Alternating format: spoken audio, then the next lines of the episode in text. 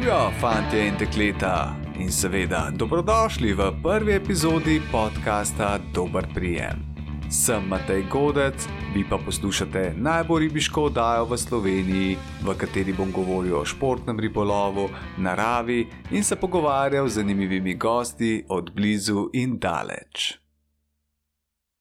Dolgo časa sem razmišljal, kaj bi bila najbolj primerna tema za mojo prvo oddajo. Na mojem seznamu se je znašlo kar nekaj zanimivih idej, a prva epizoda je le prva epizoda.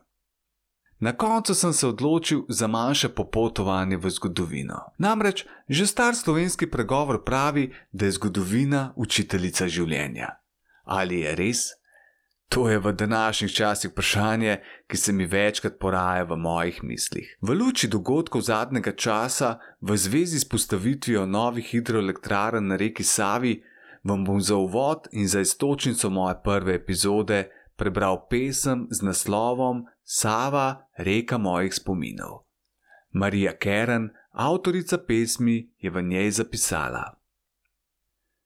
Včasih veselo šumljala si mimo zelenih bregov, zdaj pa si lena postala, na tebi vse več je jezov. Tema je vsekakor aktualna in iz mojega vidika, kot ribiču in ribiškemu vodiču, učitelju muharjenja in zagovorniku narave, še toliko bolj. Reka Sava je najdaljša reka v Sloveniji, ki s svojimi pritoki nudi dom in zavete kralju naših rek, Sulcu. O ohranjanju narave in o rekah brez jezov sem pisal tudi v svojem blogu z naslovom Sulca ni več. V blogu Sulca ni več, katerega si lahko še vedno preberete na moji spletni strani flyfishingodec.com, sem izpostavil, da reke brez jezov zagotavljajo boljše življenje vsem ribjim vrstam in ljudem, ki živijo ob njej. Sam zato podpiram zaustavitev vseh aktivnosti, ki so povezane s postavitvijo desetih novih hidroelektrarn na srednji Savi. Zato bi ob tej priložnosti pozval vse, da lahko še vedno oddate svoj glas in podpišete spletno peticijo Sava brez jezov, ki jo najdete na spletni strani organizacije Balkan River Defense. Kot sem omenil že na začetku, bo prva oddaja namenjena popotovanju v zgodovino. No, pa se skupaj vrnimo v daljno leto 1926. Leto, v katerem je bila izdana knjiga priznanega slovenskega avtorja in pobudnika ustanovitve slovenskega ribarskega društva. Veste, o kom govorim? Ne? Naj vam zaupam, da v roki držim prvo izdajo knjige avtorja, dr. Augusta Munde z naslovom Ribe v slovenskih vodah. Knjigo sem že pred časom dobil kot darilo. Naj se ob tej priliki ponovno zahvali Murši in Primožu. Hvala. Že naslovnica knjige s prelepo grafiko kralja Sulca me vedno znova in znova prepriča, da jo primem v roke in prelistam. Knjiga ima mehke platnice in je kljub vsem svojim letom zelo lepo ohranjena. V knjigi je avtor lepo opisal svoj pogled na stanje ribje populacije v reki Savi in njenih pritokih. Še posebej mi je všeč, ker se je dr. Munda že takrat zauzel in osredotočil predvsem na stanje populacije sulca, kralja naših voda. Ugotovil je, da se z regulacijo vodnega toka uničuje ribja populacija.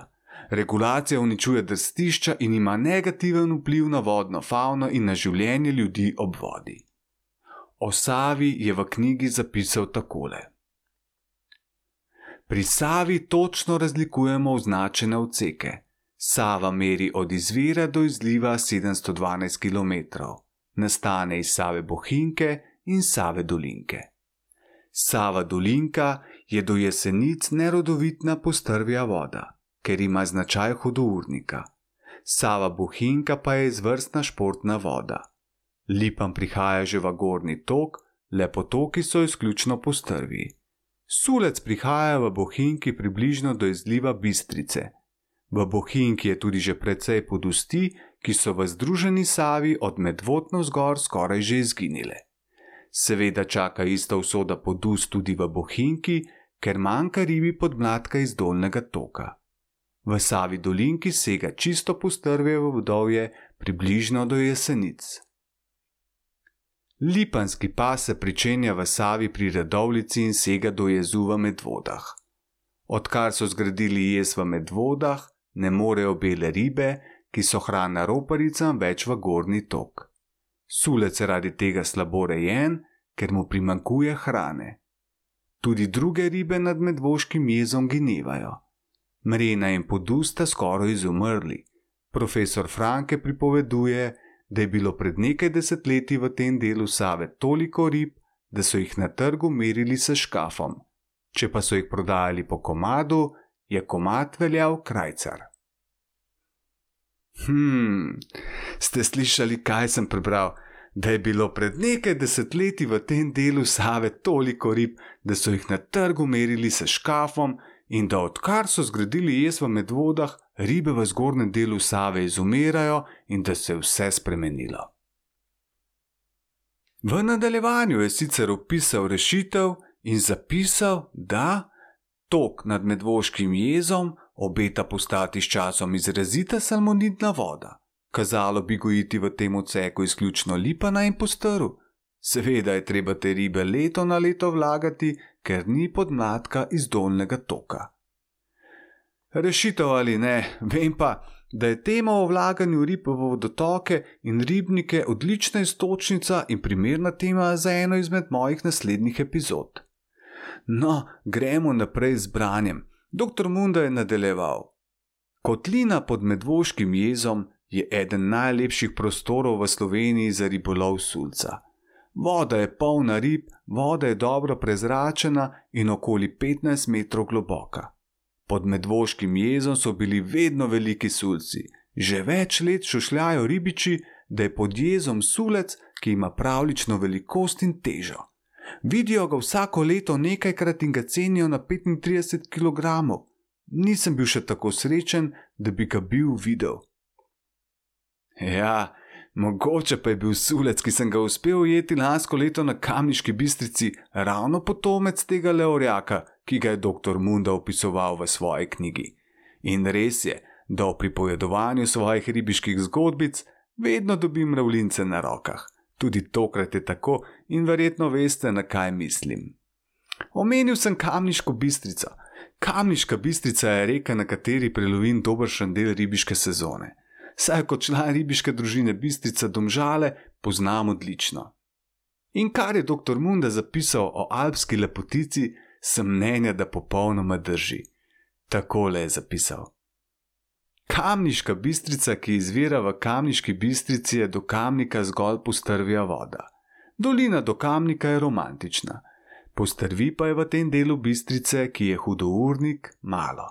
V spodnji tok bistrice prihajajo ribe iz Save.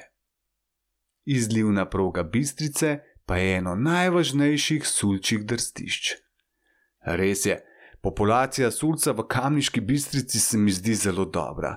To se seveda kaže skozi vsa leta s prelepimi ulovi sulcev, tudi trofejnih velikosti. Že v naslednjem sestavku se dr. Munda v knjigi posveti Ljubljanici, kateri je namenil naslednje besede. Rodovitna in ribovitna postaja Sava po izlivu Ljubljanice. Ljubljanica izvira pri vrhniki, izvirki Ljubija in mala Ljubljanica in Bistra so izvrstne salmonitske vode.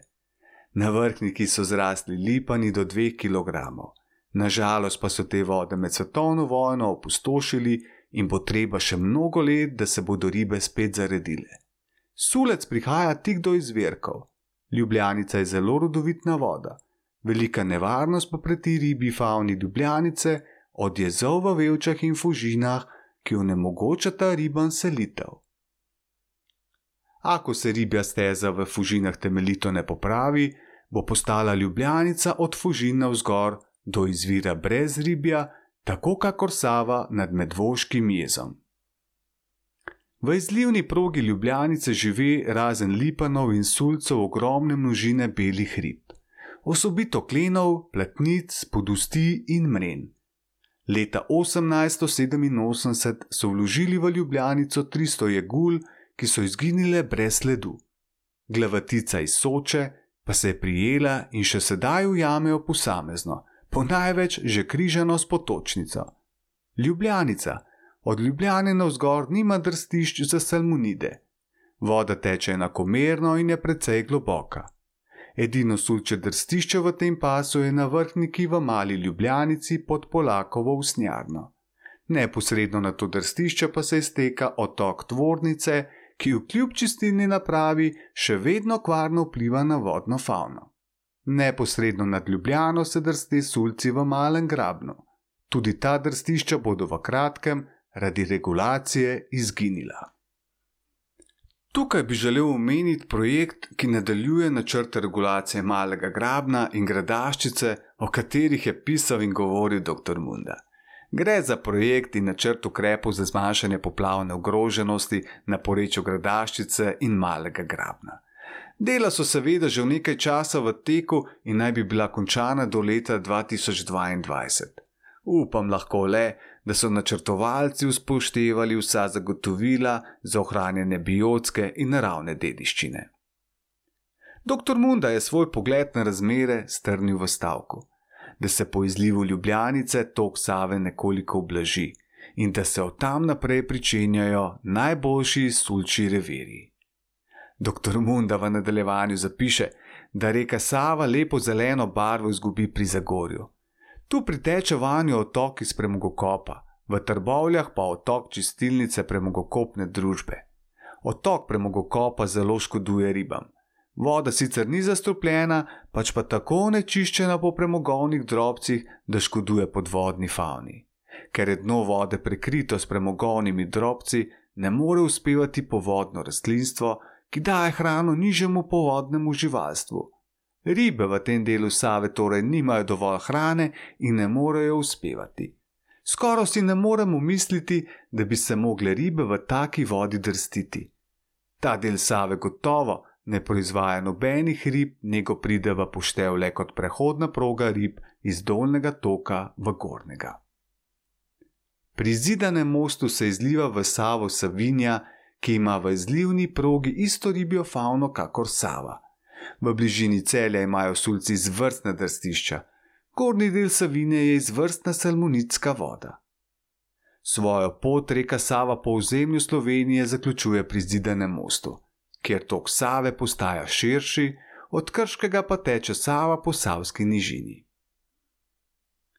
Ja, za konec opisa reke Save je dr. Munda namenil nekaj besed tudi odlični muharski vodi, reki Krki. O njej je zapisal takole: Krka je pristna kraška voda. Kraške vode so za ribarstvo ugodne, ker vzdržujejo poleti in po zimi zmerno toploto. Po zimi se preveč ne ohlade, poleti se preveč ne ogrejejo. Strmec je velik, vendar teče voda skoraj povsod mirno, tiho in krotko, ker je padec porazdeljen s prirodnimi pragovi v pojedine stopnje. Slapovi pri Zagracu in Žužemperku, ki se vrsti drug za drugim, zadržujejo tok vode. Od Žužemperka dol je strmec zmanjšan z umetnimi pragovi, tako da voda nikjer ne izpira dna in ne trga obrežja. Prodec krke ni nikjer gov, kakor savski, temveč je povsod pomešan s prstjo. Dno krke je skoraj povsod obraslo z rastlinami, celo skala je pokrita z mahom. V rastlinah mrgoli vodnega živalstva vsake vrste, ribam torej ne primankuje hrane. Zgornji tok krke je izborna postrvija voda. Radi obilice hrane zrastejo postrvi zelo velike. V srednjem in dolnem toku je mnogo ščuk, in tudi veliki sulci niso redki. S tem zadnjim sestavkom je dr. Munda v knjigi zaključil z opisom reke Save. In če zapisano preslikam v današnji čas, menim, da se vse preveč hitro pozablja pomen reke Save z njenimi pritoki za ribje vrste. Zato se vedno znova in znova sprašujem o smiselnosti postavitve dodatnih desetih hidroelektrarn na srednji Savi. Verjetno se o tem sprašujete tudi vi. Za konec prve epizode bi si želel, da vsak pri sebi razmisli, kaj lahko naredi kot posameznik, kaj lahko kot družba naredimo in pripomoremo k temu, da ohranimo, kolikor se ohraniti še da, za nas naše najmlajše in za generacije za nami. Čuvajmo naravo. Dober prijem.